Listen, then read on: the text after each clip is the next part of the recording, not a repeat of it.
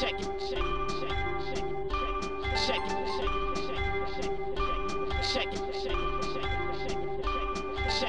Zapraszamy na kolejny odcinek podcastu Codrive.pl, a w nim panokowe plotki po Grand Prix Węgier. Jakiego koloru paznokcie ma aż tak spodobały się Lewisowi Hamiltonowi? Afera z Sebastianem Vettelem, który nie zdjął koszulki. I kolacja, która nie odbyła się przez pewnego dziennikarza. Mówimy też o małym błędzie Walteriego Bottasa. Czy ten błąd stał się jego zaletą w walce o fotel w Mercedesie? Jak ta sytuacja wpływa na walkę o Mistrzostwo Świata? Red Bull ma duże straty. Analizujemy również, czy kara, którą dostał Walteri jest adekwatna do tego, co zrobił. Lando Norris Christian Horner zdecydowanie uważają, że jest zbyt lekka. O butelce wina, której zabrakło w baku Sebastiana Vettela. Mattia Binotto zastanawia się, co zrobić, aby zespoły nie cierpiały przy naprawianiu swoich bolidów, podczas gdy funkcjonują limity budżetowe. Po raz kolejny krytykujemy Alfa Romeo, która popełnia błędy, a chwalimy Fernando Alonso za świetny pojedynek z Lewisem Hamiltonem. Jak bardzo napompowany emocjonalnie był George Russell i kto był bardziej szczęśliwy, Esteban Ocon czy właśnie George. A na koniec rozdajemy propsy i disy za Grand Prix Węgier i podsumowujemy pierwszą część sezonu 2021. Zapraszamy! Dzień dobry wszystkim, witamy się z wami po raz kolejny, tym razem po Grand Prix Węgier. Aldona Marciniak, Cezary Gutowski i Jasiek Olejniczak. Wszyscy spodziewaliśmy się tego, że będzie to nudny wyścig, ale nie. Na szczęście coś się e, zadziało, ale zanim o samym wyścigu i o tym, e, co tam się e, wydarzyło, jakie tego konsekwencje e, będą, to powiedzcie, jak tam było w samych Węgrzech. Słyszałem, Aldona, że Luisowi bardzo przypasowały twoje paznokcie. No i teraz powiedzcie mi, co to jest za kolor? Patrzycie na mnie, więc teraz opowiedzcie proszę bardzo słowami, co to jest za kolor. Luisa spytaj, przecież tak Tak, powiedział faktycznie, że, że, że to jest jego ulubiony kolor. Ja nie wiem, ja myślę, że to jest jakiś taki ciemny bakłażan. Ciemna gęcjana, Wow. taki fiolet, ten e, młotek kilogramowy, A, no właśnie, to ten, pięć tak. paznokci i ten, póki nie zejdą, tylko skąd ten połysk? Jeszcze w sensie tak błyszczące, nie? Tak, tak, tak, tak, brokat. tak. Więc to tylko, słuchajcie, pokazuje, w jakim doskonałym humorze był Luis po, po, po kwalifikacjach, że o takich rzeczach sobie też pogadaliśmy. No i też całował trochę, co tu dużo mówić, nie? Luis ostatnio robi dużo rzeczy takich, które mają jeszcze bardziej ocieplić jego wizerunek e, mm, no takiego, takiej osoby bardzo otwartej, wesołej, takiej cool. E, Tutaj po Grand Prix Wielkiej Brytanii 20 milionów dolarów na, na fundację, co prawda to jest chyba jego fundacja, funtów, 20 milionów funtów, e, jakby popierająca e, osoby jakby w edukacji e, i, i w karierach, jak- jakby w- na drodze kariery, osoby oczywiście z, z mniejszości, głównie, głównie zdaje się, e, nazwijmy to rasowych, Etnicznych? o przepraszam, bo to rasowych to nie można teraz mówić, Nie wiem. ale masz rację, etnicznych brzmi o wiele ładniej i, Tak. i bardziej prawidłowo, no i taki właśnie, e, no, taki jest Do bardziej rany jeszcze cool, dokładnie, taki mi- miód I. Luis jeszcze tutaj na Węgrzech troszeczkę zaangażował się znów w sprawy społeczne. Ty to bardziej śledziłeś niż ja. Tak, tak, był jakiś, bardzo skrytykował e, rząd Węgier za ostatnio wydaną ustawę. Ja szczerze mówiąc nie chcę się za, za, w to za bardzo wgłębiać, bo potem czytałem odpowiedź, e, nie wiem, jakiejś pani wicepremier czy, czy I co pani ona minister, powiedziała? żeby, żeby, się zajął jeżdżeniem, a nie, nie, nie polityką rozumiem. i że e, nie zna treści ustawy generalnie, że Mhm. prawdopodobnie było to coś zrobione w, po łebkach. Natomiast chodziło o to, że formalnie on skrytykował to, że nie wiem, czy te, tak jest faktycznie, czy on to dobrze zrozumiał, a ja nie czytałem tej ustawy, bo po, po węgiersku u mnie słabo tak, niestety nie ten. e, że zabrania się e, w programach dla edukacyjnych dla osób do lat 18 y, pokazywać y, mniejszości seksualne. Chyba nie, czy żeby mniejszości seksualne były reprezentowane jakoś, jakoś tak. No i tutaj padła ta ostra krytyka. Z wypowiedzi tej pani minister zdaje się, że wynika, że, że to nie do końca tak, ale, ale to tutaj mówię, już nie będę się wdawał w politykę. W każdym razie wybucha z tego taka mm, Mała powiedzmy, afera i miał tutaj e, wsparcie Sebastiana Fettela. bardzo duże. Lewis Hamilton. Tak jest, w postaci koszulki tej tęczowej e, podczas ceremonii. I tęczowe maseczki później. Tak jest, ale chyba tęczową maseczkę chyba można nosić, natomiast chodziło o to, że, że dostał reprymendę e, Sebastian Vettel i trzech innych kierowców, między innymi Bottas, Stroll Sainz, i Sainz. Sainz tak? E, za to, że nie zdjęli koszulek podczas tej ceremonii. To chodziło o to, żeby ujednolicić, dlatego że Luis tam w zeszłym roku, zdaje się, podczas tych wszystkich ceremonii, klękania i tak dalej, miał na sobie jakąś taką koszulkę, że Bring Justice chyba tu... Czy... Dla morderców e, dziewczyny, e, która w takiej bardzo brutalnej interwencji policji została e, zabita. I e, Luis miał rzeczywiście koszulkę też e, na podium, zdaje się. E, na której było napisane, no po prostu powiedział, że to są mordercy. Tam, było, tam nie było napisane bring justice i tutaj nazwisko ofiary, tylko bring justice dla... e, Czyli z- jakby osądził coś, co Tak. jakby nie było sądzone, co oczywiście tam samo przesłanie rozumiem, natomiast faktycznie mamy jakiś tam system sądowniczy i, i jakieś założenia odgórne, podstawy typu, że nie jesteś winny, dopóki ci się winy nie udowodni na przykład, co jest dość dobrym podejściem i, i to zdaje się wtedy y, ta koszulka łamała tego typu obyczajowość. W każdym razie procedura przedstartowa jest y, jasna. Najpierw mamy Formuła 1 przeciwko rasizmowi. To jest ten moment, w którym y, Państwo w telewizji oglądacie klip, a my na torze słyszymy ten, ten, ten klip i następnie kierowcy, którzy są ubrani, wszyscy są ubrani w koszulki e, We Races One, ewentualnie mm, Formuła 1 przeciwko e, rasizmowi. Sebastian Vettel tutaj w tej e, tęczowej koszulce mogą wyrazić swoją deklarację sprzeciwu wobec, wobec wszelkich nierówności i mogą to zrobić klękając lub nie i wtedy widzicie ten, e, ten podział, kto klęka, kto nie klęka. Następnie procedura wygląda w ten sposób, że idąc na inne, inne miejsce e, przed e, trofeum, gdzie stoją już w rzędach, dwóch, kierowcy mają zdjąć te koszulki. I tam już mają być w swoich, e, w swoich kombinezonach, więc z naszego punktu widzenia to wygląda trochę chaotycznie, bo, bo oni rzeczywiście te koszulki zdejmują w ostatniej chwili, rzucają gdzieś tam do swoich e, fizjoterapeutów albo oficerów prasowych. No a tutaj po prostu e, czterech z nich tego nie zrobiło. Każdy wytłumaczył się tak samo, że zapomnieli, ponieważ padało. Więc y, i, i każdy z nich dostał za to reprymendę, która to była pierwszą reprymendą dla każdego z nich. Wydaje mi się, że tam, biorąc pod uwagę, że faktycznie złamali jakiś tam kod, y, kod postępowania y, i no, trzeba było dać jakąś interwencję, żeby zainterweniować, no to, no, no, no to w tym momencie ta reprymenda jest, jest chyba jakimś rozsądnym rozwiązaniem, natomiast trzy reprymendy to już jest, zdaje się, większa kara, prawda? Więc no, z, z drugiej strony głupio by było, gdyby dostali karę sportową za coś takiego. Vettel powiedział w, w, jakby na ten temat dwie rzeczy. y, Jedna taka, z którą się w pełni zgadzam, czyli że E, mamy te wszystkie przesłania, robimy wspaniałe, wielkie, piękne dla Formuły 1 i że to jest dziwne, że nie można po prostu wyrazić się w ten sposób, w jaki, w jaki on się wyraził i tu, i tu pełna zgoda, absolutnie. No trochę to tak dziwnie wygląda, że, że z jednej strony faktycznie walczymy o ten lepszy świat jako Formuła 1, z drugiej strony no w takiej sytuacji karze się kierowca za to, że, że, że wyraził wsparcie. E, dla, dla, dla, dla mniejszości, tak, dla LGBT w skrócie.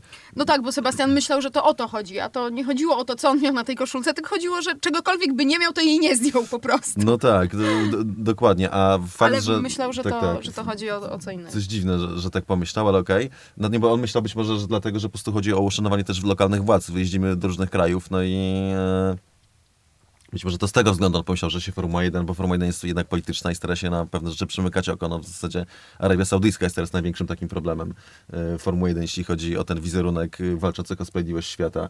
Swoją drogą, tutaj y, malutka dygresja, pozwolisz, był, Saudyjczycy zaprosili liczną grupę dziennikarzy na kolację właśnie a propos tej polityki, te, tego budowania relacji.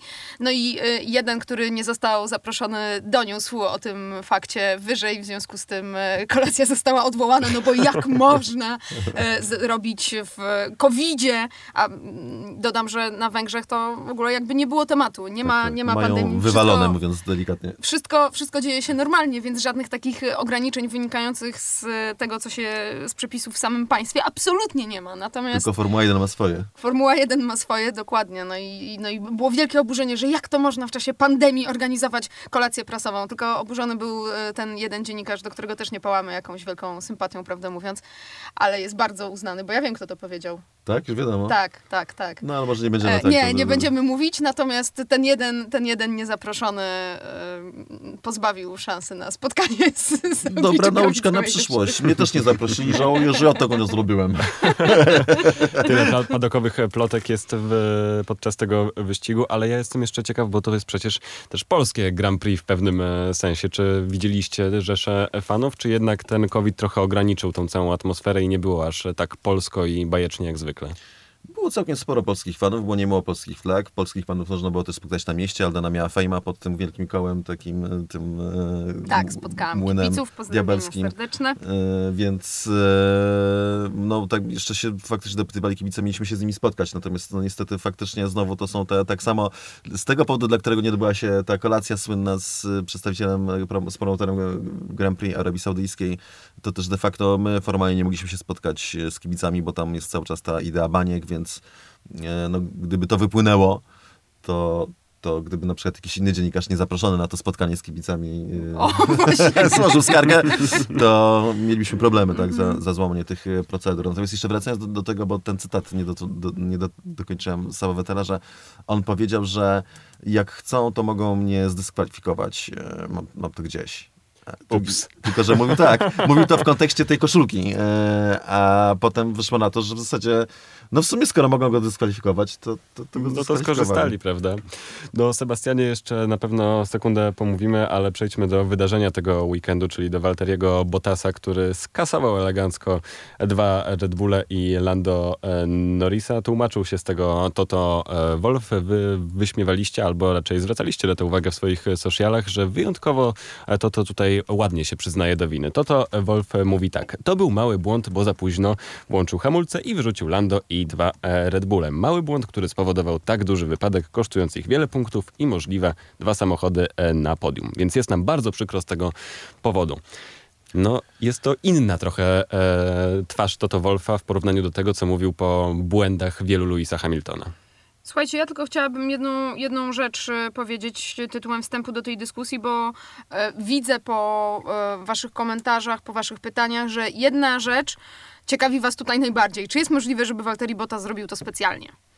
I em, Możliwe jest. Możliwe jest, ale, ale no nie, nie, nie, nie. Ja tutaj teorii spiskowych e, nie zakładam, chociaż sporo widzieliśmy w Formule 1 łącznie z kraksą wywołaną specjalnie, natomiast e, tutaj mam na myśli e, 2000 Ósmy. E, ósmy rok i Nelsona Piketa juniora, który w Grand Prix Singapuru specjalnie wjechał w barierę w takim momencie, żeby jego kolega zespołu Fernando Alonso wygrał wyścig. Oczywiście nie, dlatego że sam jest taki... E, Takim paziem e, tak, był, tylko... broń, to, broń Boże nie był. Mm, więc, Przekonany. E, więc, więc, więc różne rzeczy w Formule 1 widzieliśmy, ale to, to nie jest ten przypadek.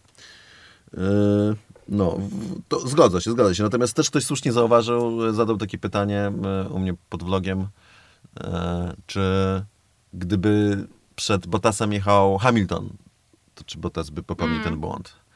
I wydaje mi się, pytanie jest doskonale postawione, dlatego że wydaje mi się, nie ma wszelkich wątpliwości, że hamowałby, na wsteczny by wrzucił chyba, jakby miał przed sobą Hamiltona, żeby tylko do tego nie doszło. Więc tak bardzo jak ja też nie chcę wierzyć, że to było z premedytacją i raczej nie było. Już do końca tylko sam Walteri wie, ale nie chcę w to wierzyć naprawdę. Yy, Ostatecznie wierzę, że to, jest jednak porządny chłop, który jest w ciężkiej sytuacji zawodowej w tym momencie, natomiast porządny facet.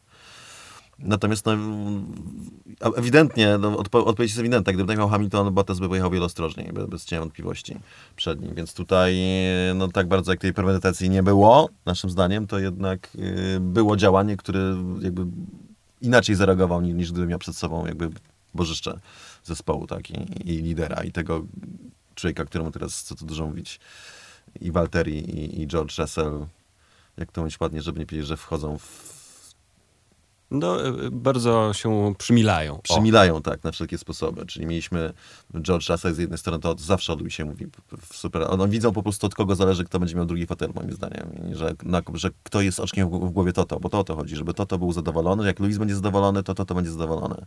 I to ewidentnie widać. I to się nasiliło. Ostatnio George Russell wziął bardzo w obronę oczywiście Luisa Hamiltona po tej po tej kraksie na Silverstone między innymi, E, potem jak wygwizdywano Luisa Hamiltona, o czym też chyba warto porozmawiać, e, wygwizdywano potem jak zdobył pole position, jeszcze nie tylko potem, e, to Walteri Bottas wziął go w obronę, w ogóle niepytany, zaczął, że chciałbym coś trącić podczas konferencji, że tutaj my dodajemy z siebie wszystko, tutaj serce, Luis przyjechał tak piękne okrążenie, jest wygwizdywany, że ludzie zastanówcie się, co robicie i tak dalej. Jakby to ludzie wygwizdywali Hamiltona za to, że pole position zdobył, a nie za to, co się dzieło, dzieje wokół Hamiltona generalnie od tych wszystkich lat i co eskalowało ostatnimi czasy. Hamilton z kolei, to co też interesujące, zrzucił winę na mm, szefów e, Red- Bulla, że to, że wygwizdują go, bo to oni o nim źle mówili. Znowu to jest taka, że ja to, co, co, co złego to nie ja, a to też znowu nas sprowadza do punktu wyjścia, czyli że to to nagle przyznaje do winy się, znaczy do winy, ale Bottasa, prawda? Gdyby, gdyby, gdyby to Lewis Hamilton spodał coś takiego, to byłby raczej palec Hamiltona, czy, czy, czy coś takiego, a nie Lewis. To, to łatwo się przyznać do błędu Walteriego, tak? Do błędu Luisa nigdy, bo, bo Lewis błędów nigdy nie popełnia. Mówiłeś e, o tym, że tutaj George z Bottasem się przymilają i ja zastanawiam się, czy to wydarzenie, no bo w normalnym świecie to wyobrażamy sobie, że gdy kierowca popełnia błędy i jeszcze generuje takie straty, no to raczej e, szefowie zespołów nie są zadowoleni z tego, że drugi kierowca w zespole walczącym o Mistrzostwo Świata nie dojeżdża do mety i powoduje taki chaos na starcie. Ale czy to to e, Wolf tutaj będzie się złościł na Walteriego, czy to jest raczej jego e, dodatkowy plus w tej walce o fotel?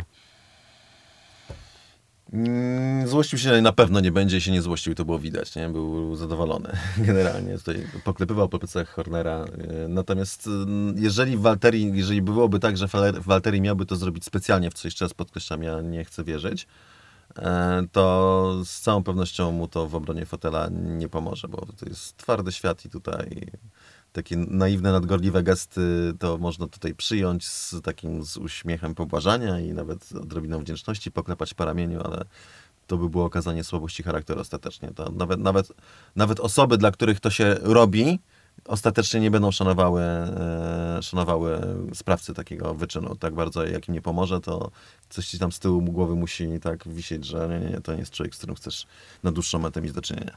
Ten mały błąd spowodował wielkie e, konsekwencje i na pewno jeszcze większe, jeżeli chodzi o e, budżety, no bo Red Bull na pewno będzie przez to e, cierpiał. Słyszeliśmy, że Sergio Perez ma problemy z jednostką napędową. Poprawcie mnie, jeżeli się mylę, ale chyba będzie musiała zostać e, wymieniona po tym e, incydencie. E, Christian e, Horner oczywiście nie krył swojego oburzenia. Świetna strategia Mercedesa, mówi. Valtteri wykonał dla nich świetną robotę, wybijając oba nasze e, samochody.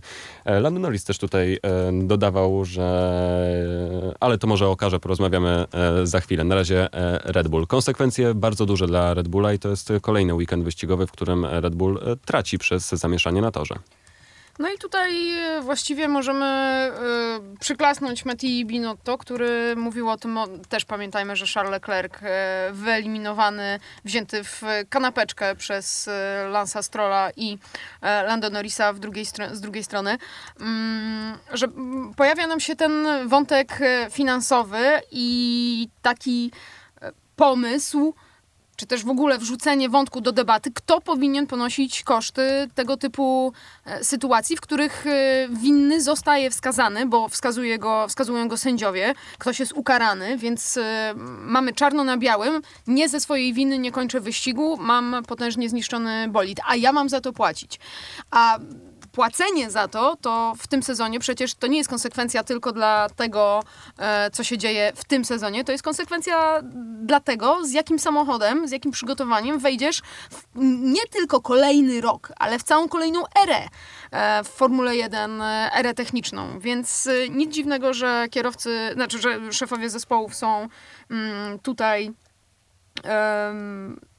nie wiem, czy podzieleni tak naprawdę, czy nie, natomiast, że poddają to pod dyskusję i faktycznie moim zdaniem FIA i myślę, że tutaj e, Cezary się zgadzasz, powinna, powinna się tym w jakiś sposób e, zająć, aczkolwiek też nie widzę tutaj takiego łatwego, łatwej drogi do, do, do procedowania tego, jakby to, A jak wy to widzicie? jakby to można było zrobić. FIA musi coś zrobić na pewno i z jednej strony, e, bo to jest ten pomysł Binotto, nie tylko obciążanie e, ekip, które, e, czy kierowców ekip, no raczej bo chodzi o ekipy, za szkody, które powodują po własnych błędach jest jakby puszką Pandory, bo Z Pandorą. puszką z Pandorą, tak, tak jak to było w tak, Pani tak. Dulskiej. E, ponieważ wewnętrzne takie jakby wynosi rozstrzyganie kwestii e, sportowych i wypadków w Formule 1 poza wewnętrzny krąg. Formuła 1 st- wszystko stara się załatwić we własnym sosie. Bardzo rzadko wykraczają kwestie problemów i sporów w Formule 1 do sądów cywilnych. Bardzo rzadko. Dużo się o tym mówi, spadają takie groźby, ale już w momencie, kiedy, kiedy ktoś mówi, a, że pójdziemy do Międzynarodowego Sądu e, Apelacyjnego, to już się robi tak, uuu, To już jest taka groźba, że raczej się nie wierzy, że ktoś to zrobi, natomiast każdy no, jednak ma, ma z tyłu głowy, że to już by było coś wielkiego. I to ciągle jest wewnętrzny krok FIA i, i tego sportu. Więc w momencie, gdyby e, sprawca miał ponosić koszty tego wypadku, to ja widzę tylko jedno rozwiązanie, ostatecznie kończy się to w sądach, bo ten sprawca wtedy, no zwróćcie uwagę, Lewis Hamilton, co by nie zrobił, nie jest niczemu winien, tak? Palec Lewisa Hamiltona przełączył przycisk, nie Lewis, to nie był Lewis. Więc y, w tym momencie, no, to, to jest, w jakikolwiek by nie brał udziału Lewis y, no, karambolu, czy, czy odpukać, tak, czy, czy, czy sytuacji, e, jest wiecznie niewinny, więc za, za każdym razem trzeba pójść do sądu w tym momencie i walczyć w sądzie o jego niewinność. Tak? To, w jest pewnym początek tak. story. To, I to, w to, tym momencie to wychodzi poza Formułę 1 i mamy pozawieszane już rozstrzygnięcia sportowe, bo to mogą być rozstrzygnięcia, które mają wpływ potem na, na resztę sezonu. Latami procesy, szereg procesów, w których y, sądy cywilne decydują o tym, kto ponosił winę za wypadek na torze, któ- no, gdzie nie ma specjalistów od takich rzeczy. No, raczej to rozsądzają na zasadzie takiej, jak się drogowe incydenty rozsądza. Więc to jest y, no, absolutnie droga donikąd, moim zdaniem. Ale jest jakieś rozwiązanie pośrednie, pewien kompromis, który można by było zastosować. Mhm. Czyli po prostu, okej, musisz naprawiać bolid, masz na to pieniądze, twoja sprawa. Jak masz na to pieniądze, to po prostu nie liczymy tego do limitu Tak budżetowego. jest. To musi zostać wyjęte z limitów budżetowych. To jest ek- eksperyment w pewnym sensie, tak? Wcześniej nie, nie było to praktykowane. To jest pierwszy sezon z limitami budżetowymi i może o tym nie pomyślano, może to zlekceważono, no ale teraz, kiedy zespoły liczą się naprawdę na ostatnie dolary czy funty, nie dlatego, że nie mają tych pieniędzy, tylko dlatego, że mają limit tego, co mogą wydać, e, to szkody poczynione w ostatnich wyścigach na Red Bullu są bardzo dotkliwe, mają bardzo poważne konsekwencje sportowe czysto, nie tylko na ten sezon, ale także na przyszły, o czym mówiła przed chwilą Aldona.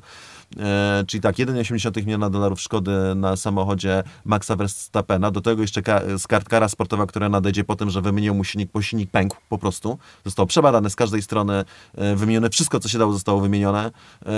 Kamerami przebadane no, wnętrze silnika, Honda złożyła silnik od nowa i on działał, jeździł w treningach, jeździł w kwalifikacjach. Po kwalifikacjach wymieniony na, nowy, ponieważ pękał. Blok silnika, z tego co rozumiem, po prostu pękał. To pęknięcie się powi- po- powiększało. Więc za tym idzie jeszcze inną konsekwencje sportowe. E, Natomiast to co najważniejsze, e, prawie 2 miliony dolarów za Silverstone. Przypuszczam, że rachunek za ten wyścig nie będzie wiele mniejszy, będzie pewnie podobny. Plus stracimy dwa silniki już po Silverstone, jeden silnik Pereza, aczkolwiek silniki są akurat objęte limitem budżetowym. To jest inna sprawa. Natomiast No, co ale jest to kara sportowa. Jest to kara sportowa. Za coś, czego... Co nie jest twoją winą, co Tak. nie jest twoim przewinieniem. Co, tego problemu niestety już nie sposób rozwiązać, chociaż też mo- moim zdaniem powinno się. Natomiast e, fakt, że Red Bull traci nagle, no przypuszczam, na, na ten moment 3 miliony dolarów po dwóch e, wypadkach, w których nie ponosili żadnej winy, a za które winy ponosili kierowcy Mercedesa, bo tak stwierdziła FIA, po prostu Hamilton został ukarany za Silverstone, Bottas został ukarany za Węgry, no to to jest, y, no, przy obecnych limitach budżetowych, to jest już na tym etapie ponad 2% budżetu. I to jest bardzo dużo, szczególnie biorąc pod uwagę, że to, to trzeba przejechać 23 wyścigi w tym roku między innymi. To już sam koszt logistyczny przewożenia tych samochodów i całego personelu na te wyścigi są ogromne pieniądze. I nie da się z tego zabrać, żeby dołożyć pieniądze na rozwój technologiczny samochodu, na odbudowanie tych części, co fizycznie kosztuje duże pieniądze i te części będą potrzebne. Więc to są ogromne koszty, których zabraknie potem na rozwój samochodu. I to ma konsekwencje sportowe w tym sezonie i w przyszłym, więc faktycznie trzeba coś z tym zrobić. Nie może tak być, że e, to nawet nie chodzi już o krzywdę samego Red Bulla, to chodzi o krzywdę naszą, kibiców, fanów, dlatego że tracąc te pieniądze, Red Bull traci bardzo dużo sił na to, żeby walczyć z Mercedesem o mistrzostwo tegoroczne i ewentualnie przyszłoroczne. I my, jako kibice Formuły 1 fani, tracimy cały spektakl. To jest moja krzywda. Tak, tak, to powiedzieć. nasza krzywda i ja mo- zastanawiam się, czy ja nie zaskarżę Bottasa w sumie. Ale słuchajcie, tu w tym wszystkim jest jeszcze jeden wątek, który wywołał e, Mattia e, Binotto. E, To sprawi, że kierowcy będą bardziej odpowiedzialni, jeżeli zespoły będą musiały płacić za naprawę zespołu, który pokrzywdzili, no albo jeżeli to będzie wyjęte poza limity budżetowe, no to też to w jakiś sposób będzie na karku e, kierowców i zastanawiam się, czy nie doszłoby do takich sytuacji, że no, zespoły, które muszą przeznaczyć jakieś środki na rozwój bolidu i są tego świadome, no czy ich kierowcy nie przestaną po prostu ryzykować w pewnym momencie, a tego też byśmy chyba nie chcieli. Nie wiem, czy to będzie miało, miałoby aż tak e, Daleko idące Tak, dlatego, że są inne powody już dla kierowców, tak naprawdę to konsekwencje sportowe są najbardziej dotkliwe, czyli tutaj doliczenie czasu, cofnięcie na starcie o pięć pozycji. Myślę, że Bottas nie będzie spał przez całe wakacje z tego powodu.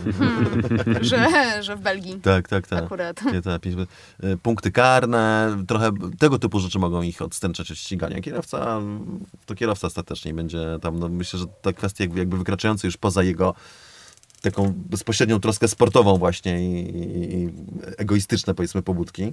Mm, Nie mówię tego w sensie pejoratywnym, tylko, tylko takim zjawisko, jako zjawisko, tak.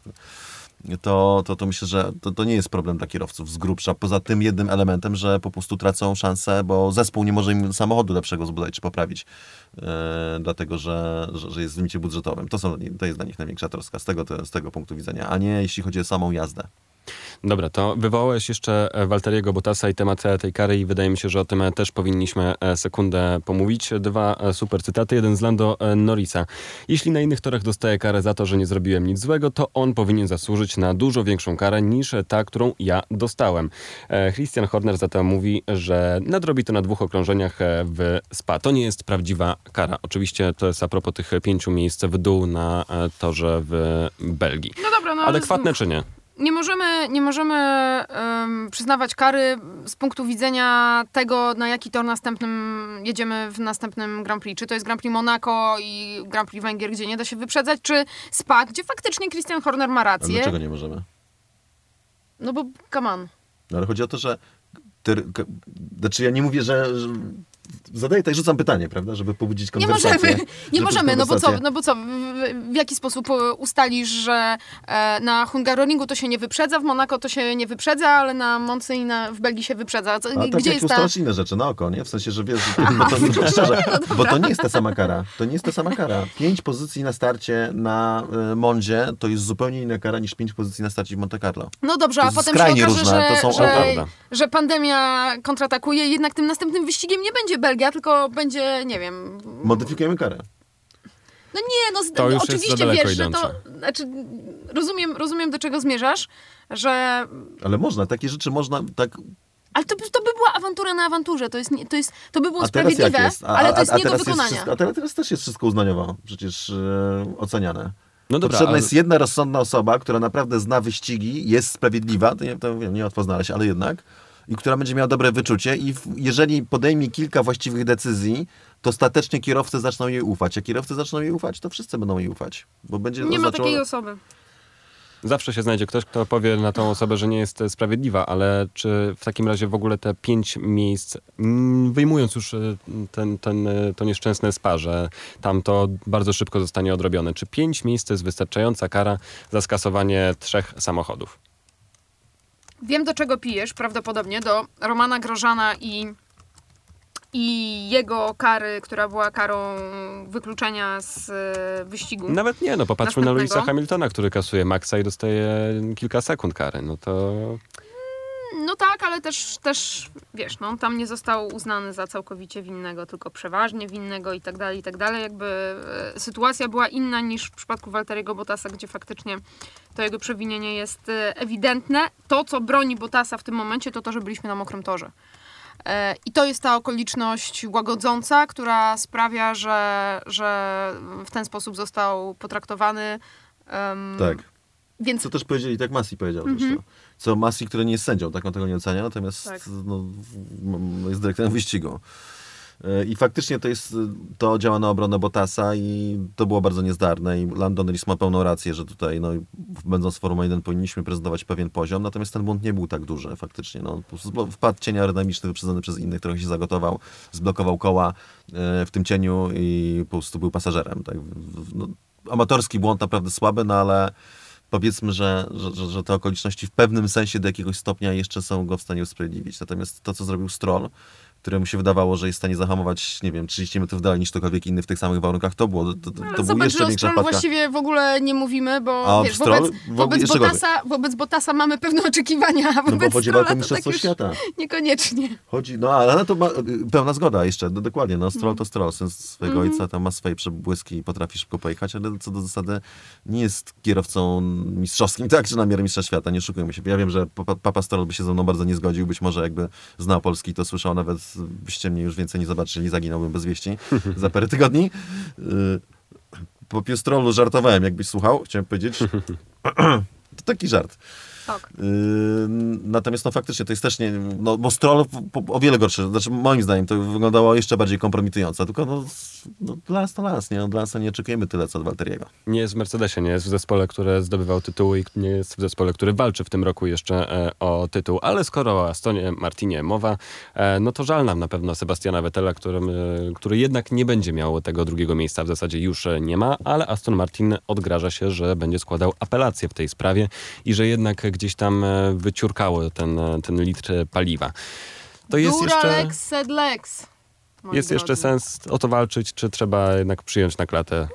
Nie, absolutnie nie ma, nie ma sensu o to walczyć. Jest to em, bardzo, bardzo ostra kara za przewinienie, które jest całkowicie techniczne. To znaczy nie ma tutaj żadnego, żadnego niebezpieczeństwa na torze, nie stworzyłeś zagrożenia, nie zrobiłeś nic głupiego. Em, Sportowo też nie tak wiele zyskałeś, nie oszukujmy się, no bo to jest O, 70 dokładnie. litra. To w Dokładnie. kwalifikacjach może, ale w wyścigu to już bez przesady. Mm, Natomiast no, jest to coś, czego, co, jest, co jest bardzo e, egzekwowane w sposób bardzo surowy i też nie ma tutaj żadnego pola manewru. Tu akurat nie ma żadnej uznajowości, nie ma żadnej szarej strefy. E, nie ma litra, no to... To idziemy do domu. Tak. A, mówisz o tym. A, a ty tu postawiłeś tam z tyłu taki ten... 0,75. do węgierski. Wino te na trzy osoby, come on. nie oszukujmy się.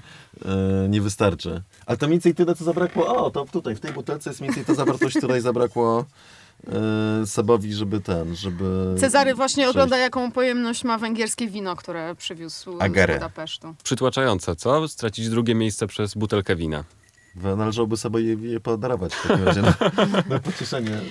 e. Więc e, Schaffnauer twierdzi, że e, tak naprawdę mierząc przepływ paliwa, jesteś w stanie skalkulować, ile dokładnie było w zbiorniku w danym momencie. I oni uważają na podstawie tych kalkulacji, że powinni mieć em, litr 74. Wyparowało.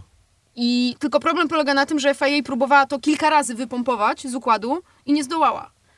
Więc w tym momencie jakkolwiek e, Powinni wycisnąć taki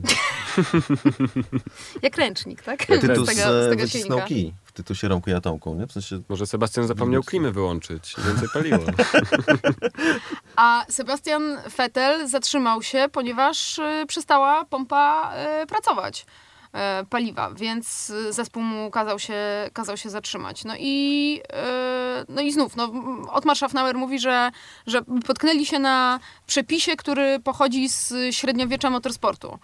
Że kiedy ten przepis został napisany, to nie dało się zmierzyć tak dobrze przepływu paliwa, albo w ogóle.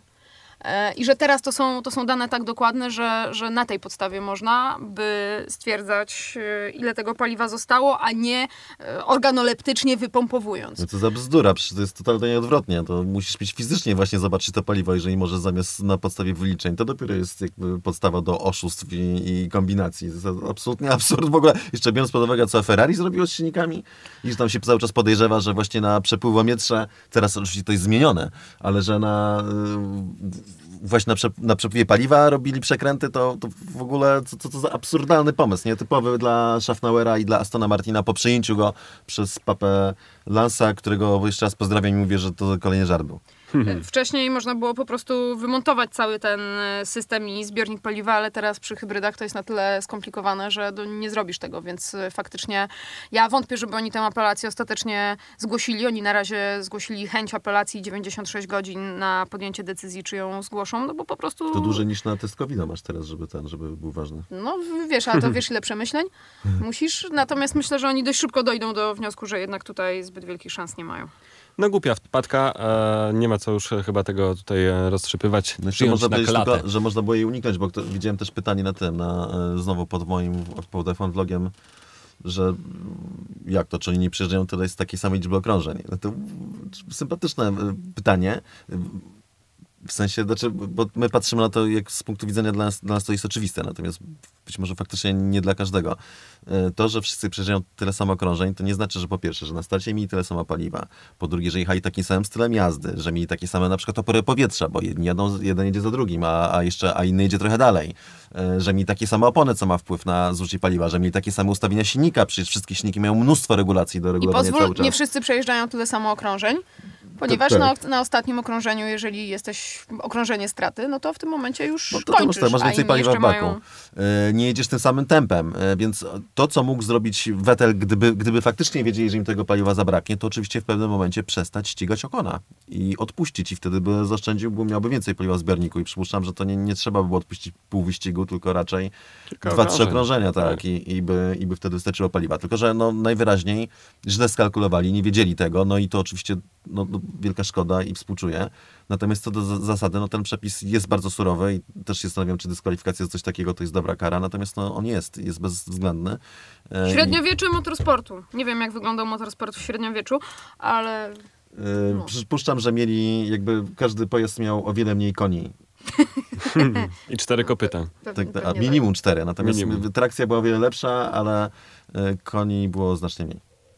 Słuchajcie, pomówmy teraz o e, gościu, który na pewno będzie wymieniony przez e, kogoś z nas przy propsach i disach. Fernando Alonso, który trochę zagrał na nosie Louisa Hamiltona. Z wielką przyjemnością oglądaliśmy tą e, rywalizację i naprawdę wierzyłem do samego końca, że jednak utrzyma go e, do mety. No niestety to się nie udało, ale i tak kawał dobrego ścigania, takiego, którego chyba bardzo dawno nie widzieliśmy w Formule 1. Tak jak się zastanawiam, to ciężko mi odtworzyć taką rywalizację. Ale bije tutaj do tego, że podczas tej walki e, słyszeliśmy charakterystyczne dla Luisa komunikaty radiowe, w których narzekał na to, jak broni się Fernando. E, no, że na swoje ogumienie narzekał, to już też wszyscy jesteśmy przyzwyczajeni i nie zwracamy na to uwagę, ale Alonso odparł podczas wywiadów, Luis zawsze narzeka. Nie słyszałem niczego od FIA, e, więc domyślam się, że wszystko było ok. To oczywiście a propos jego obrony i tych wszystkich memów, że jest taki wielki, powiększony bolid na cały tor i że nie da się Fernando wyprzedzić. E, Pokazuje to chyba trochę jakąś e, też e, psychikę Luisa. Tutaj Fernando bardzo celnie punktuje, zawsze narzeka. Znaczy wiecie, u Luisa wszystko jest dobrze, dopóki wszystko jest dobrze, a jak coś się... A jak jest niedobrze, to jest niedobrze. Dokładnie tak, to wtedy się zaczyna, zaczyna sypać, zaczyna się denerwować i, i to było po raz kolejny tutaj widać. Mi się ta walka podobała ogromnie, tak jak nam wszystkim, z jednego powodu. To nie był Mercedes i Red Bull, to nie były dwa Mercedesy, to był Mercedes i Alpine. Przy całym szacunku dla Alpine, to nie jest samochód nawet top 3. E, to jest pewnie gdzieś tam szósty, siódmy samochód w stawce i to pokazuje, tak samo Lewis Hamilton, e, tak samo, przepraszam, Fernando Alonso miał e, problemy z oponami na tym, na tym etapie, a jednak był w stanie przez y, tych y, wiele kluczowych okrążeń dla e, dalszych losów tego wyścigu Louisa Hamiltona wstrzymywać za sobą, więc to absolutnie fenomenalna robota i świadectwo, idealne świadectwo tego, jaką różnicę robi kierowca, więc wszyscy, którzy mi tutaj chcą powiedzieć, że w tym, w tym sporcie liczą się tylko samochody, proszę zobaczyć sobie ten pojedynek. To było po prostu fenomenalne. I jeszcze jeden bardzo ważny jest czynnik tego, no, może nie jeden, nawet kilka. Po pierwsze, Fernando Alonso jest wybitnym kierowcą i to, że ma e, o pięć tytułów mniej od Louisa Hamiltona w żadnym stopniu nie świadczy o tym, że w jakikolwiek sposób od Hamiltona jest gorszy. No, to po prostu jest kwestia tego wyborów, jakie się robi. Na pewno życiowe wybory, jeśli chodzi o zespoły, to miał gorsze Fernando Alonso, natomiast nie jeśli chodzi o koszt jazdy. Jest po prostu wybitnym kierowcą z najwyższej półki, i to jest po prostu trafiła kosa na kamień. E, Luis, który cieszy się specjalnymi względami nie tylko FIA, ale też innych kierowców. Jest bardzo szanowany. E, no, ma w sobie wokół siebie taką aurę, już nie mówię o tej jego au, aurze takiej, że jest taki cool i w ogóle, że jest weganinem i wszystko, tylko mówię o takiej aurze jako to jest autorytet po prostu na torze i z takim kierowcą po prostu chcąc, nie chcąc, z punktu widzenia psychicznego większość kierowców, szczególnie młodych, no inaczej jeździ jednak. Może London nie do końca, chociaż Lando też tak nie, nie, stawał tutaj I tak cię zaraz rejtanem. wyprzedzi, to po co, po co sobie, wiesz, yy, niszczyć opony, walcząc z nim, broniąc się przed nim. To tak faktycznie, że Fernando, to prawda. Fernando miał tam cel, prawda? On bronił pozycji Estebana Ocona, to, było, to był kluczowy element tego, tej obrony. Natomiast no generalnie Luis Dobrze kiedy... się bawił, daj spokój. Na pewno, ty się świetnie bawił. wiesz. Widać, Kiedy Hamilton był później. trafił na taki opór na torze i to jeszcze raz to, co Vialdona, to była Alpine. On, Ha- Fernando jechał o wiele wolniejszym samochodem, na bardziej zużytych oponach. E, fajnie powiedział, że prawdopodobnie Luis jadąc za nim nauczył się kilku nowych linii e, przejazdu. I, Tak, tak, tak, Tak. tak, tak, tak. To Przez ostatnie super. zakręty, tak, bo nie był w stanie go Nico. Rosberg też zwracał na to uwagę na żywo, że zobaczcie, jak pojechał Fernando Alonso, to nie ma nic wspólnego z linią wyścigową Tak, tak, na tak, tym zakręcie. No, no Alonso wybitny kierowca, co tu, co tu dużo mówić. I e, kierowca, który on nie jest z tych, co będą się tutaj przed Luisem kłaniali. Ma, ma do niego wielki szacunek, absolutnie, bez cienia wątpliwości. Natomiast taki, co się tutaj, och, to lepiej tego nie bo to Luis. Ma to gdzieś, po prostu walczy o, swoje, walczy o każdy centymetr na torze i ma, ma przy tym świetną frajdę.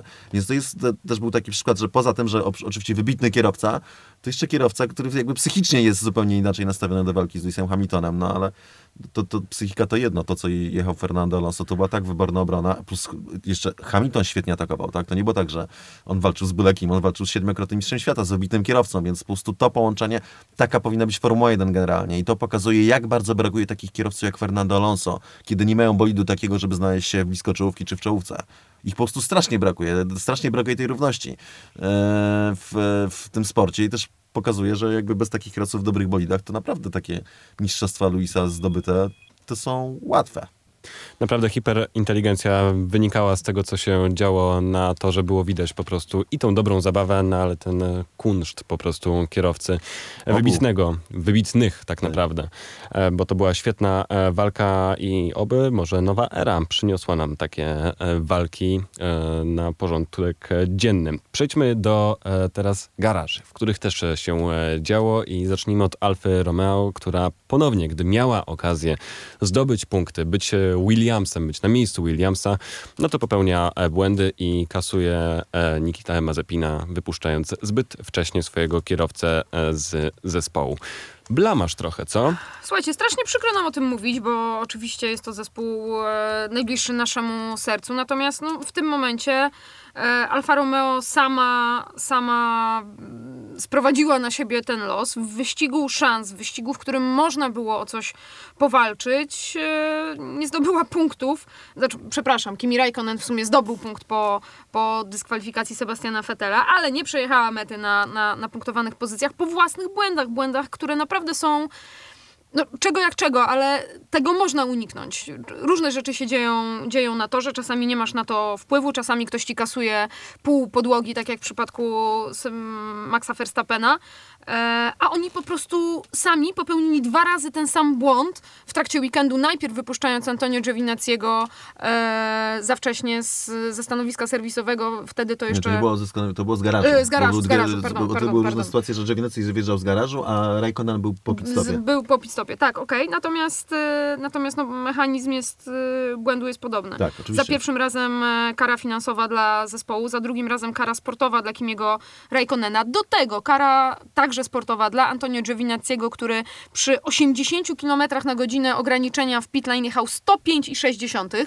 Nie 82, nie 83, 25 km szybciej jechał w pit No to Znaczy, co, co pewnie to nie jest? przez całą to Nie, no oczywiście, że nie, oczywiście, że nie. Tak, natomiast no to jest, to są, chodzi mi o to, że wiesz, są błędy, na które nie masz wpływu, albo jesteś ofiarą czyjąś, albo... Tak, to są twoje błędy, błędy a tu, kierowcy, sa, błędy a tu są zespołu, po prostu takie, takie głupotki, no. których jest mnóstwo i to już chodzi o to, że to jest natłok i to, o tym, że w Alfie Romeo się źle dzieje, to już mówimy od długiego czasu. Zwracaliśmy na to uwagę, że tu tak nie powinno być, to było złe zagranie. Nie może być tak, że dyrektor sportowy nie wie, co ma zrobić kierowca na Imoli, jak ma się zachować, to, to tak jeszcze powinien znać z palca. I to jest jakby różne słabości tego samego zespołu, które wynikają z tego, że jeszcze raz, też mówiliśmy, zespół źle prowadzony i tyle. E, po prostu mają wywalone na pewne rzeczy. Tam tutaj, szczególnie teraz jak Alfa znowu została jako ten, jako sponsor, to znowu mogą sobie odsapnąć, uff, kolejnych kilka lat możemy się przebimbać. Szczerze, bo to, to, to tak funkcjonuje, no się z tego bierze. I teraz nie ma to jakiejś ogromnej pretensji, no bo różne są or- organizacje i tak jak się przeciętnemu fa- fanowi wydaje, że wszystkie zespoły we wszystkich kategoriach wyścigowych jeżdżą po to, żeby wygrywać, no to jest to absolutna bzdura. Y, Wybrane zespoły w wybranym czasie walczą o to, żeby wygrywać. Większość zespołów jest w motorsporcie po to, żeby przetrwać. Po prostu. Żeby minimum wyjść na zero, tak naprawdę zarobić pieniądze po prostu. I żeby to są, to są firmy, przedsiębiorstwa. I tak samo jest w Alfie Romeo. Ona jest tam po to i szczególnie nie od strony oczywiście właścicieli, tylko z, od, od strony tych ludzi, którzy ją pra, prowadzą w praktyce. E, To zespół jest po to, żeby, żeby funkcjonować. No, to dlatego e, BMW Zauber odpuściło Mistrzostwo Świata, walkę o Mistrzostwo dla Roberto Kubicy, dlatego, że wiedzieli, że jeśli ten tytuł zdobędą, to BMW odejdzie. I w ten czas zespół będzie no, miał poważne, będzie w poważnych tarapatach. Nie będzie tego streamu pieniędzy, nie będzie ekipą fabryczną, tylko no, będą w kropce, mówiąc, mówiąc delikatnie. I tak samo jest y, w Alfie Romeo, natomiast y, to, to są naprawdę y, też no, no, trudno, no, ręce opadają, jak się na to patrzę. Wyciągnięcie też to-. Giovinazziego wtedy, ono naprawdę było full amatorskie, że wychodzi sobie koleś, który po, po, pokazuje kierowcy, czym jechać, wychodzi, macha mu, coś tam spojrzał, dobra, wyjeżdżaj. No w ogóle co to jest? To jest pitlane, bo jak można takie rzeczy zrobić? Giovinazzi wypuszczony pyknął strola w koło, uszkodził jeszcze przednie skrzydło, co też nie jest jakieś optymalne. Z Kimi powiedzmy była sytuacja tyle cięższa, że było faktycznie ogromne zamieszanie. Wszyscy byli na pitlane. Yy, Natomiast no, ostatecznie dostał sygnał do wyjazdu, wywalił samochód, który jechał, bo to chodzi o to, że Haas był przed, ma, ma stanowisko serwisowe przed Alfa Romeo, więc Raikkonen wyjeżdżał, a wjeżdżał na stanowisko, z kolei skręcał w prawo e, Mazepin. Mazepin. Został trącony w tylne koło, wypił, wypięli mu koło i było po wyścigu, więc to się jak- jakby też z tego wzięło. E, No, było trudniej, natomiast jeżeli mamy tyle błędów i w poprzednich wyścigach i teraz, no to wniosek jest jeden, no ten zespół po prostu źle funkcjonuje i tyle, nie, nie da się tego inaczej wytłumaczyć. Jest to amatorka, e, jest to tracenie punktów na rzecz Williamsa i to dużych punktów, spadli na dziewiąte miejsce Alfa Romeo, I trudno będzie im się z tego miejsca wykaraskać, szczególnie jak, Naprawdę. się tak, jak też tak operują. Plus jeszcze, że skończę jedną rzecz. Wybór kierowców to też jest y, kwestia zespołu, czyli te błędy, które na przykład Antonio popełnia, no to to jest ostatecznie wynik błędów w wyborze składu, że tak skończę swój udział w tej dyskusji. A ja tylko chciałam dodać, że to e, też w innym świetle stawia to zdenerwowanie Kimiego Raikkonena, które słyszeliśmy przez radio w e, poprzednim wyścigu i tak jak e, dużo mamy do Tak. zarzucenia Raikkonenowi e, za ten sezon, tak tutaj no, ma rację, a może po prostu popracujmy i zróbmy tak, żeby samochód był szybszy. Tak, też porządnie. Tak. tak, notabene e, Kimi Raikkonen w padoku z rodziną po raz drugi z rzędu, teraz jak już można i e, strasznie fajną parasolkę miał młody taką z Parku Jurajskiego. O, Bardzo spoko. A jeszcze, że ale Fiera żeby z, z, z, skończyć, to tam chodzi o te padokowe wieści, no to e, zasłyszeć się udało, iż e, wymarzonym składem Freda Wassera to są oczywiście jego kierowcy z ART, czyli e, Valtteri Bottas, były kierowca ART w kategoriach juniorskich. E, to jest marzenie Freda. Ciekawe, czy marzeniem Walteriego jest przejść do Alfa Romeo, szczególnie patrząc na to, jak ten zespół funkcjonuje, przecież to widać.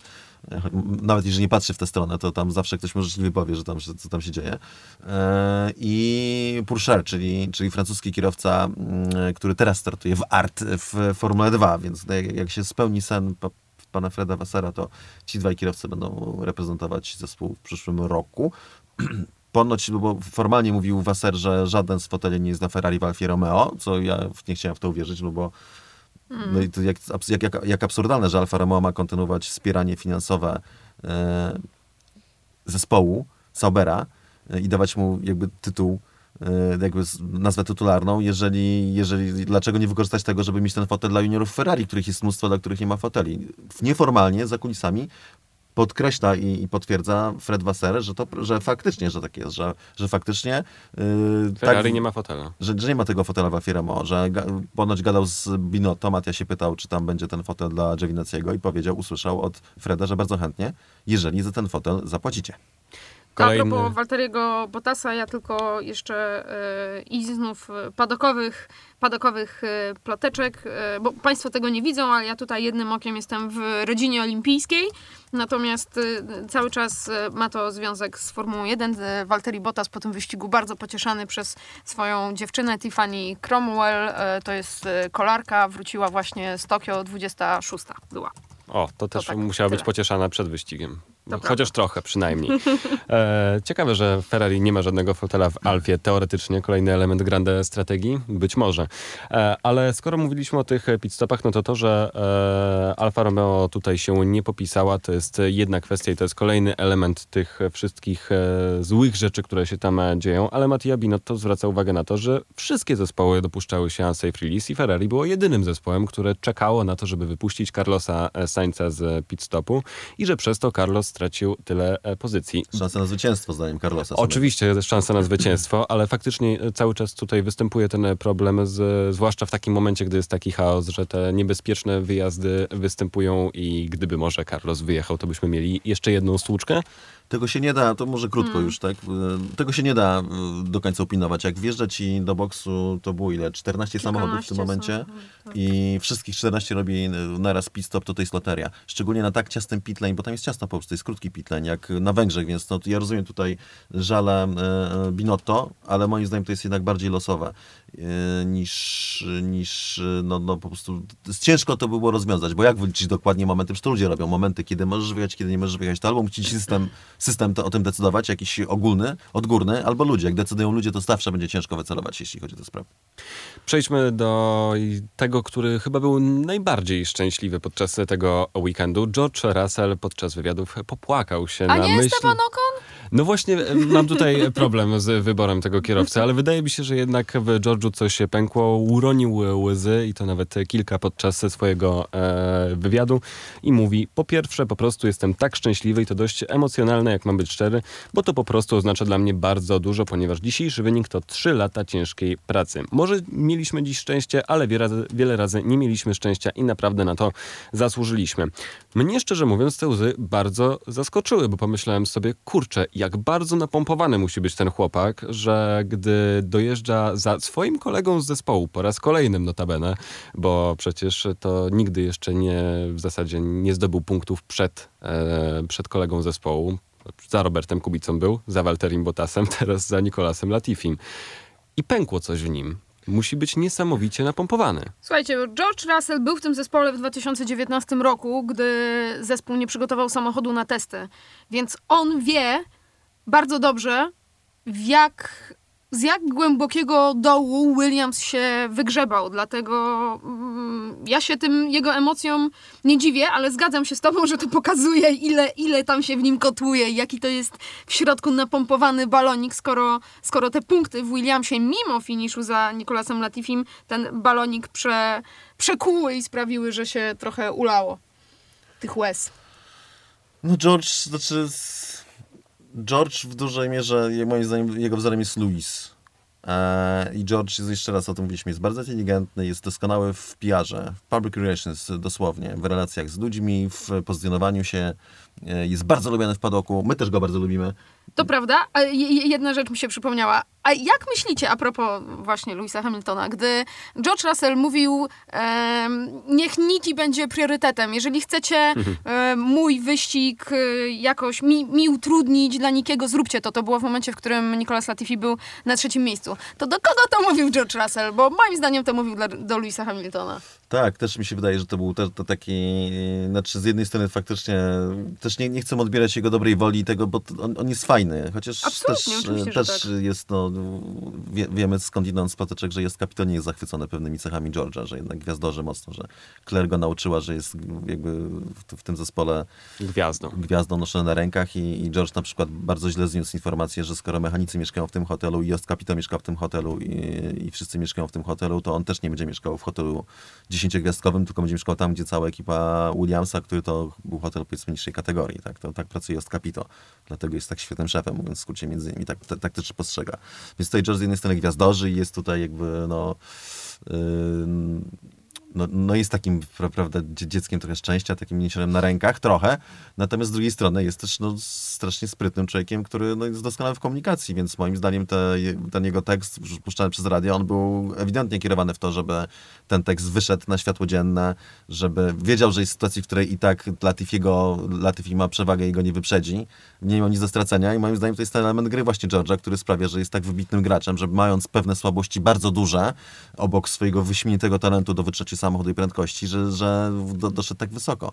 Yy, tym bardziej, że Formuła 1 coraz bardziej z roku na rok jednak opiera się w ogromnej mierze nie na tym, jak to faktycznie jeździ w samochodzie, tylko na tym, jak jest postrzegany, jaki ma wizerunek. To jest naprawdę super ważne. Oczywiście ostatecznie musi mieć tę prędkość i George ją ma, natomiast no, to jeszcze to, jak jest fajny i to, że jest Brytyjczykiem, sprawia, że tak cała Formuła 1 przy- przymyka oczy na to, jakie popełnia błędy na przykład duże. Że, plus jeszcze na to oczywiście, że to Latifi zdobył więcej punktów, dlatego, że uprzedził George'a po starcie, w pierwszym zakręcie. Pojechał sobie po wewnętrznej, kiedy George na zewnętrznej sobie utnął trochę.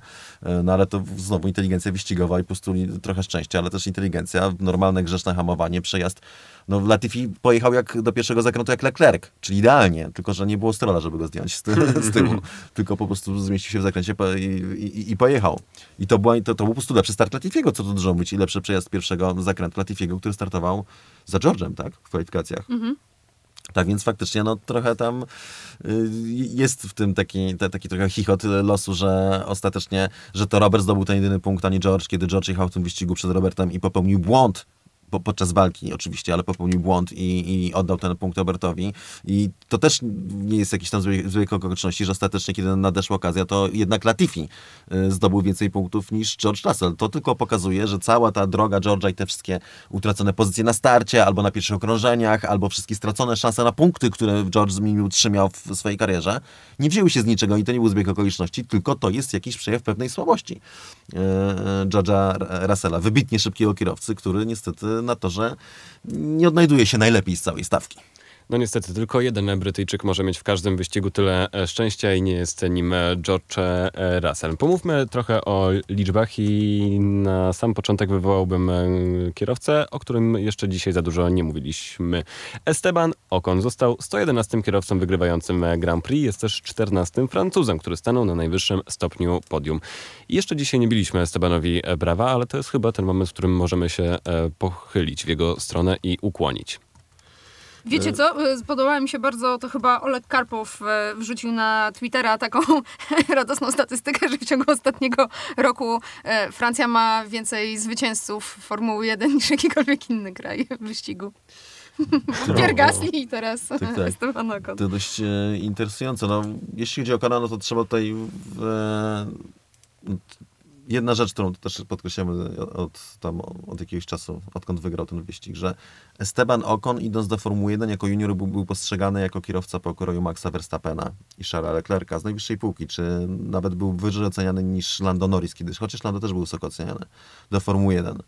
Tak więc e, z punktu wyjścia chłopaka, który w ogóle to też jest bardzo ważne, który mówi, że gdyby, że gdyby nie Toto Wolf, to by sprzed, teraz przewracał hamburgery, bo pochodzi z biednego domu i to Toto Wolf bardzo mu pomógł w dojściu do Formuły 1, co też wielka zas- zasługa na, na, dla Toto.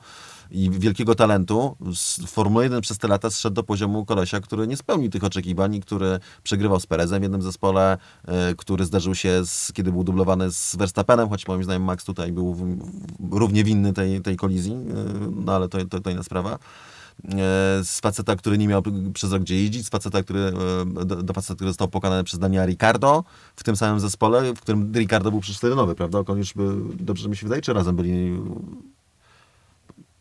Szczerze powiem, że nie ten, nie, już nie pamiętam jak to szło w sekwencji. No w każdym razie tak czy inaczej, pokonany przez Daniela Ricardo. Yy, W jednej, nie, nie, jak Ricardo pokonał Hulk- Hulkenberga jak przeszedł i potem, tak, tak, Hulkenberga zastąpił Okont, więc tutaj pardon.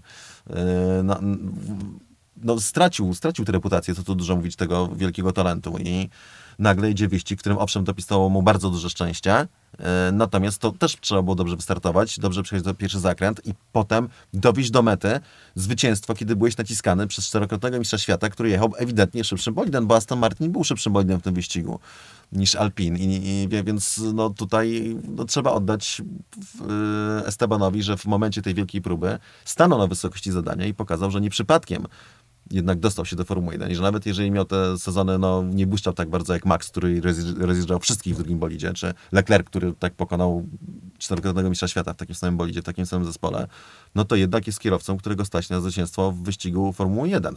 Jednakowoż zwycięstwo, które w dużej mierze też zabezpieczył mu Fernando, co ma dużo, no już o Fernando już rozmawialiśmy, ale trzeba to podkreślić, tak, że tutaj nic nie mówiąc Okonowi, Fernando miał duży wkład w to zwycięstwo. Tak naprawdę trzem kierowcom powinien dziękować Esteban Ocon. Na początku e, Nikolasowi Latifiemu, bo Nikolas Latifi jadąc na tej trzeciej pozycji wstrzymywał jeszcze na Hungaroringu, na torze, na którym wiemy trudno się wyprzedza, wstrzymywał ten cały pociąg kierowców. Dzięki temu em, Esteban Ocon i Sebastian Vettel dość swobodnie odjechali całej reszty wreszcie, więc y, to jest y, po pierwsze, po pierwsze to tak naprawdę Walteriemu Bottasowi oczywiście za e, zrobienie całego tego zamieszania na samym początku. Po drugie Nikolasowi Latifiemu, dzięki któremu obaj i Vettel i Ocon e, mieli czym oddychać tam na początku.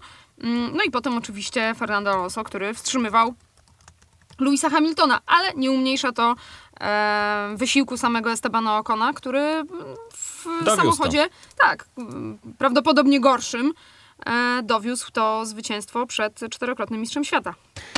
A zresztą Fernando e, Alonso również e, się zapisał w statystykach, dlatego że po raz e, pierwszy od 7 lat prowadził w wyścigu. Przez chwilę, co prawda. Dwa okrążenia. A, tak, ale miło było zobaczyć to nazwisko znowu na e, szczycie. Carlos Sainz tutaj może trochę e, marudzić albo poszlochać, dlatego że po raz czwarty staje na podium, ale po raz drugi w karierze nie uczestniczy w ceremonii odebrania trofeów. Przypomnijmy, że w Brazylii 2019 miało to miejsce, więc e, nie wiem, jak może to wykorzystać w swoim PR-ze, ale po raz kolejny nie uświadczył e, tej, e, tego zaszczytu z e, bycia na podium. Ale ostatnia jeszcze statystyka, która najbardziej mnie ciekawi, co o niej powiecie. Podczas Grand Prix Węgier zobaczyliśmy czwartą w tym sezonie czerwoną flagę. To jeden raz więcej niż przez cały zeszły sezon.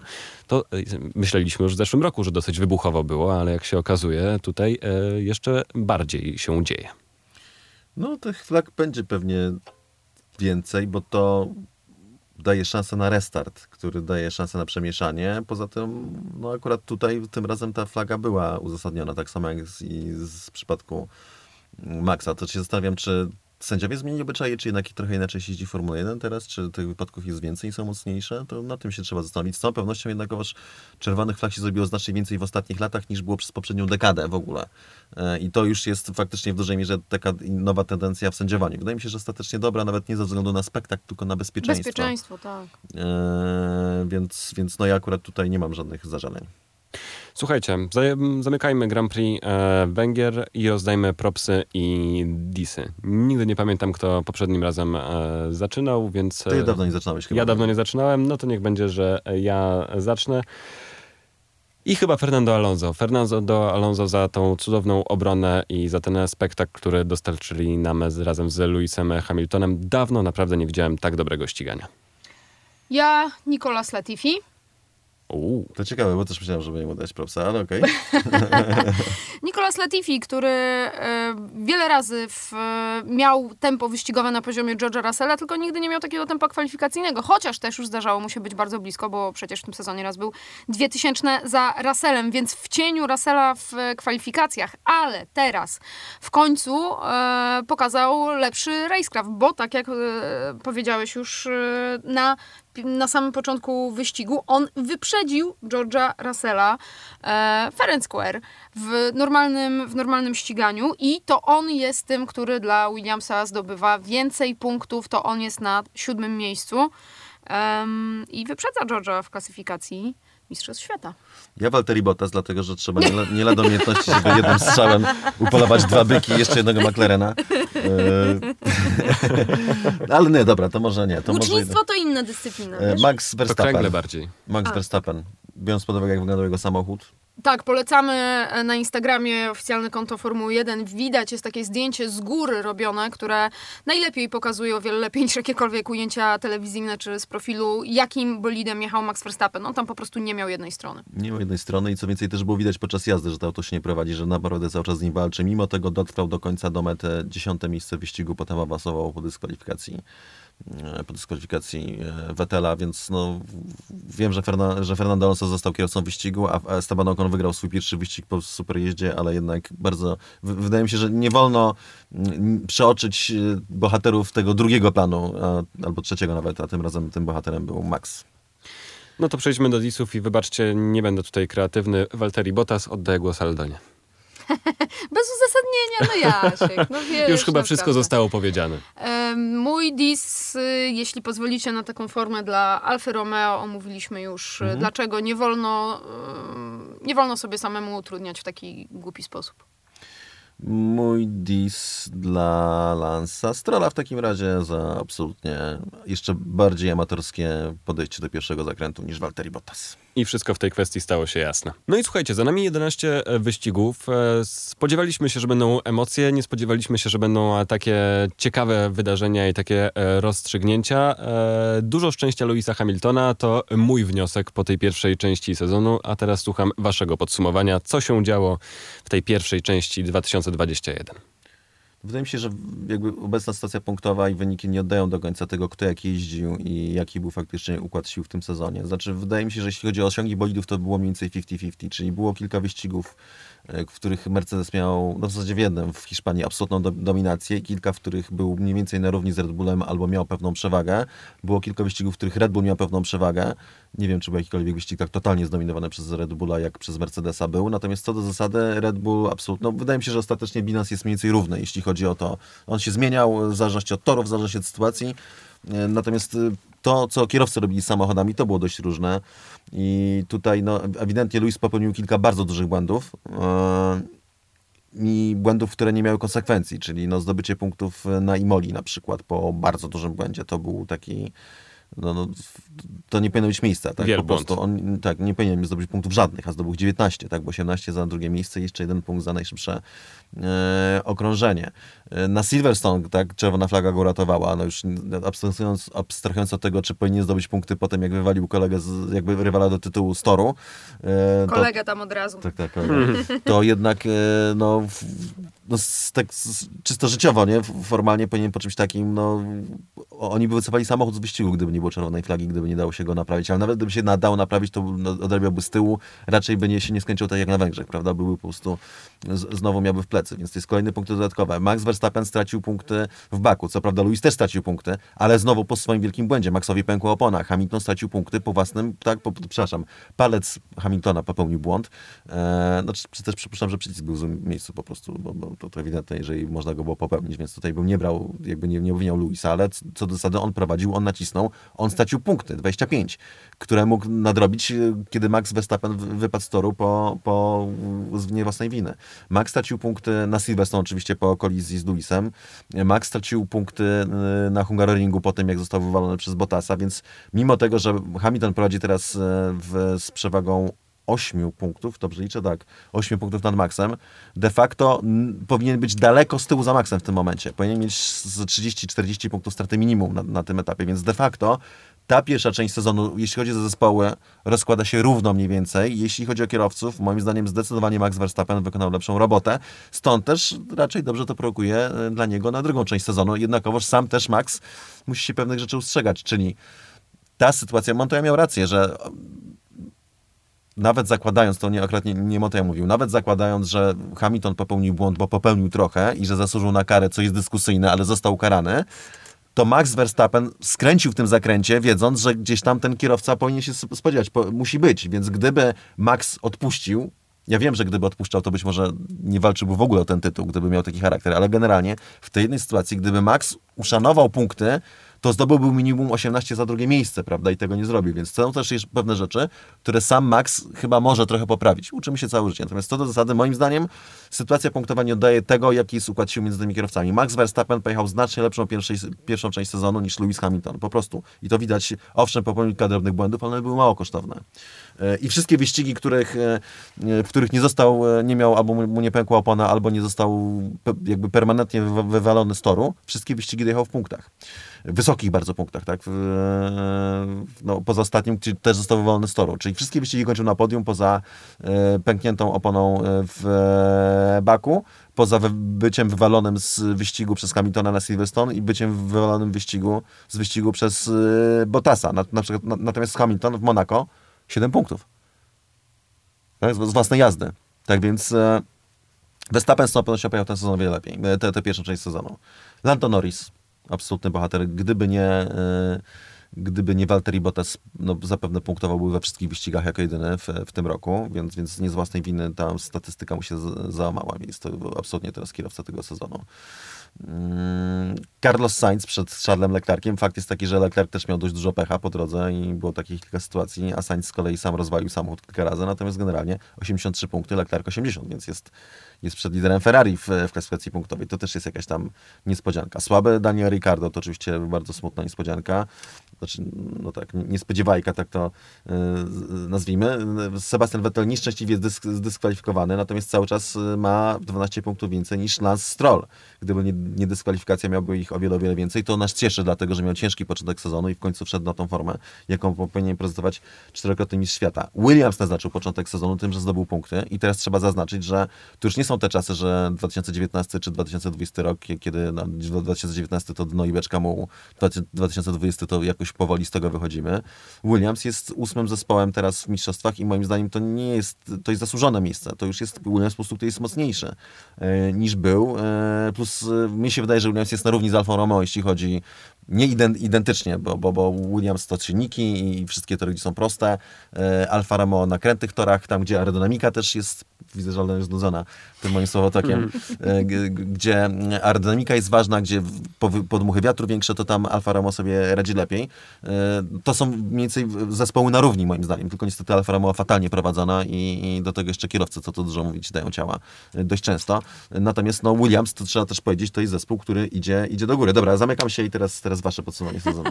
Aldona, wszystko prawie Ja, ja nie wiem, ja nie wiem, czy ty nam cokolwiek zostawiłeś. Ja do tego, co powiedziałeś, dodam tylko dwie rzeczy. Jeśli chodzi o kierowców Piera Gasliego, który ponownie wykonuje fenomenalną robotę i żal by było, gdyby przez y, jakieś personalne mm, tutaj problemy na linii Gasly, Helmut Marko, ten chłopak nie dostał e, drugiej szansy w Red Bullu. Nie wiem, czy już w kolejnym sezonie, ale w ogóle. E, a jest e, oczywiście cały czas związany kontraktem z e, Red Bullem. I druga rzecz, fenomenalnie to wygląda w klasyfikacji konstruktorów. Mercedes 303, Red Bull 291 punktów, ale o trzecie miejsce po 163 Ferrari i McLaren tyle samo, tyle samo zdobyli, więc mamy się czym emocjonować. Trochę nam się to dalej rozjechało, bo dzięki temu zwycięstwu Alpine 77, Alfa Tauri 68 ciągnięta w pojedynkę przez Piera Gasliego, więc tutaj też się już będzie działo, może jeszcze do tego doskoczy Aston Martin teraz 48 punktów. Natomiast gdzie nie spojrzeć w tabeli, tam każdy ma o co walczyć. I to jest bardzo mm, taka cecha charakterystyczna Poza tego hasem, sezonu. Poza hasem, że e, to, to, o czym rozmawiałeś z Marcinem Budkowskim mm, przed tym wyścigiem e, sobie w prywatnej rozmowie, że różnice są tak małe w tym sezonie, tak, między bolidami, że, że w poprzednich latach, jak ktoś ze względu na tor stracił na przykład półtorej dychy, a ktoś inny zyskał, to myśmy tego nie zauważali za bardzo, bo pozycje się nie zmieniały. Teraz każdy zespół w zależności od toru ma jakieś mniejsze lub większe straty i teraz stąd się biorą właśnie te wszystkie przetasowania. Że no, na, nagle zrobiona się duża dynamika między zespołami, dlatego że stawka jest, jest bardziej zacieśniona, że w zasadzie to, to prze, prze, ogólny przebieg sezonu jest podobny jak wszystkie inne, natomiast zacieśnienie stawki sprawia, że mamy tutaj właśnie taką walkę. To jest super, super fajna rzecz. Jeszcze jedno, co mi się wydaje warto podkreślić. Alpin piąte miejsce w Mistrzostwach Świata Konstruktorów, awans siódmego, to jest ponad stan. To jest yy, ponad stan bolidu. To są świetni kierowcy, ostatecznie, szczególnie jak Fernando. O, Fernando, kierowca, który z czasem doszedł do formy. Też warto w podsumowaniu powiedzieć, tak? Ale problemy Ricardo z kolei. Sainz, bohater pierwszej połowy se- sezonu, szybko wszedł po prostu z marszu, wszedł i zaczął robić do, dobre wyniki, dorównał Leclercowi prawie, że. Yy, przepraszam, bo wszedłem w dygresję, w dygresję. Natomiast Alpin ponad stan bolidu. Myślę, że to siódme miejsce do Alpin to jest właśnie ich miejsce w szyku. Natomiast e, szczęśliwy wyścig dwóch e, mega dobrych kierowców. E, bardzo dobrze pracujący zespół generalnie. Tak? Oni nie robią takich nu- numerów jak Alfa Romeo i nie tracą tak głupio punktów regularnie. E, I mamy nagle piąte miejsce, no, moim zdaniem nie do obrony, chociaż Formuła 1 Wiesz to Formuła co, 1. y, nie do obrony jak nie do obrony. Zwróć uwagę, że Alfa Tauri i Aston Martin mają jednego kierowcę. A Alpine ma dwóch znakomitych, naprawdę, naprawdę bardzo dobrych, więc y, podczas gdy Lance Stroll będzie robił takie numery, jakie robi, Yuki Tsunoda będzie się wywalał w FP3 albo w A Q1, będzie? Alpine będzie wyciągać maksimum ze słabszego bolidu, ale dwoma kierowcami. Słuszna uwaga, proszę pani. I to Bardzo jest dziękuję. nadzieja na to, żeby Alpine faktycznie wysoko się wspięło. Ja podsumuję to jedną e, statystyką a propos e, okrążeń, które kierowcy przejechali na prowadzeniu. Max Verstappen 403 okrążenia na pierwszym miejscu, Lewis Hamilton 128 okrążeń. Trzecie miejsce, uwaga, Esteban Ocon 65 okrążeń. Czwarte miejsce Nice. Charles Leclerc i dopiero na piątym miejscu Sergio Perez 26 i daleko, daleko na szóstym miejscu Valtteri Bottas 19 okrążeń, więc e, to już zostawiam do własnej interpretacji a propos e, performance'u każdego z tych kierowców, a my żegnamy się na dłuższy czas. Udajemy się również na przerwę wakacyjną, więc wracamy przy okazji Grand Prix Belgii. Dziękujemy, do usłyszenia. Aldona Marciniak, Cezary Gutowski i Jasia Kolejniczak.